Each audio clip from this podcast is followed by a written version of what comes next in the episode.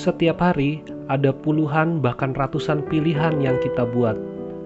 Tetapi bagaimana kita dapat yakin bahwa itu adalah pilihan yang tepat? Menurut kitab Amsal, pilihan terbaik adalah hasil dari proses mengetahui, mengerti, dan meyakini yang dibungkus di dalam pengalaman dan pertimbangan-pertimbangan. Inilah yang disebut dengan hikmat. Ada hikmat dari Allah, ada juga hikmat dari dunia. Keduanya sangat berbeda. Tetapi melalui kitab Amsal, kita akan mengerti mengapa kita perlu mencari hikmat dari Allah. Amsal 1 ayat 1 hingga ayat yang ketujuh. Amsal-amsal Salomo bin Daud, Raja Israel, untuk mengetahui hikmat dan didikan, untuk mengerti kata-kata yang bermakna, untuk menerima didikan yang menjadikan pandai, serta kebenaran, keadilan, dan kejujuran, untuk memberikan kecerdasan kepada orang yang tak berpengalaman, dan pengetahuan serta kebijaksanaan kepada orang muda. Baiklah orang bijak mendengar dan menambah ilmu, dan baiklah orang yang berpengertian memperoleh bahan pertimbangan untuk mengerti amsal dan ibarat, perkataan dan teka-teki orang bijak Takut akan Tuhan adalah permulaan pengetahuan, tetapi orang bodoh menghina hikmat dan didikan. Hikmat menolong kita untuk membuat keputusan yang tepat sesuai dengan situasi kehidupan yang kita hadapi hari demi hari. Tuhan sangat peduli dengan pilihan-pilihan kita, karena tidak ada yang lebih tahu dari Tuhan tentang dampak apa yang akan terjadi pada diri kita maupun pada orang lain dari pilihan-pilihan yang kita buat. Mengapa Tuhan mewahyukan Alkitab? Karena Tuhan ingin menunjukkan kepada kita bagaimana menjalani hidup ini dengan bijak. Kitab Amsal ini ditulis agar orang yang membacanya dapat mengetahui hikmat dan didikan, mengerti kata-kata yang bermakna, membuat orang yang menerima didikan menjadi pandai di dalam kebenaran, keadilan, dan kejujuran, sehingga yang tak berpengalaman memiliki kecerdasan yang masih muda memiliki pengetahuan dan kebijaksanaan. Karena orang bijak tidak pernah merasa sudah tahu segalanya, dan orang yang berpengertian pun akan selalu melakukan pertimbangan. Untuk itu, setiap kita, apa pun status dan jabatan kita, berapapun usia kita, kita harus ingat akan satu hal: takut akan Tuhan. Takut akan Tuhan karena Tuhan itu kudus dan mulia, sedangkan kita adalah manusia berdosa dan banyak kesalahan. Takut akan Tuhan karena Tuhan adalah kebenaran dan Ia adalah yang Maha Tahu.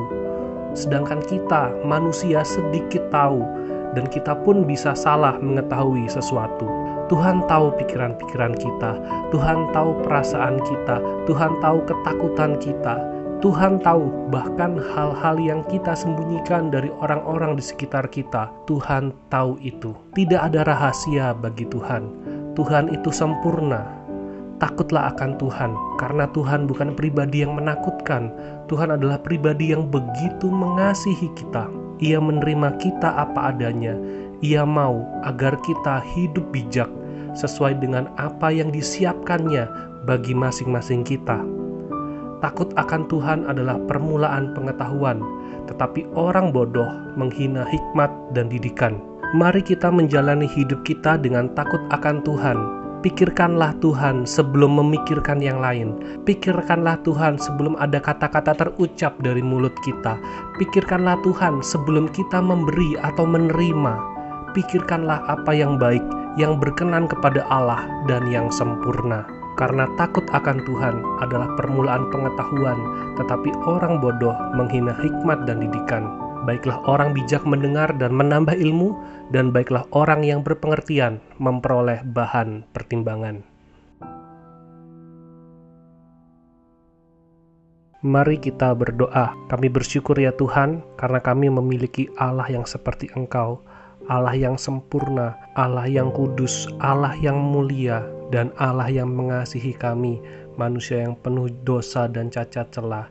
Kami bersyukur ya Tuhan bahwa Engkau memperhatikan kehidupan kami dan melalui firman-Mu Engkau menunjukkan kami bagaimana kami harus menjalani hidup. Kami membutuhkan hikmat dari Tuhan agar kami dapat melangkah di jalan yang Engkau telah sediakan bagi kami. Tolong kami ya Tuhan, di dalam kami menjalani kehidupan kami, di dalam kami bekerja, di dalam kami bergaul, di dalam kami berkeluarga, dan di dalam segala aspek kehidupan kami, agar kami senantiasa menjadi pribadi yang takut akan Allah. Kami menghormati Tuhan, kami menghormati kehadiran Tuhan di dalam kehidupan kami. Kami menghormati firman Tuhan yang telah Kau berikan pada kami. Dan biarlah jalan hidup kami boleh menjadi jalan hidup yang boleh kami nikmati, boleh kami jalani di dalam suka duka bersama dengan Engkau ya Tuhan. Karena kami yakin dan percaya Engkau telah menyiapkan yang terbaik untuk setiap kami dan kiranya semakin hari kami boleh semakin mengerti akan rancangan Tuhan yang sudah Tuhan rancangkan bagi kami, sehingga hidup kami boleh menjadi hidup yang senantiasa memuliakan Tuhan. Di dalam nama Tuhan Yesus, kami berdoa. Amin. Selamat beraktivitas, lakukanlah itu dengan takut akan Tuhan. Tuhan Yesus memberkati.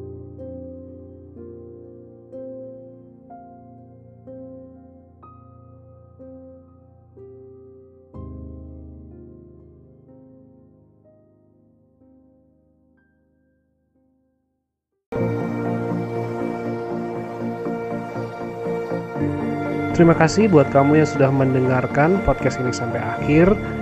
Kalau ada saran, ada kritik, ada masukan, bisa langsung aja ke kolom komentar di Instagram podcast bebas terbatas.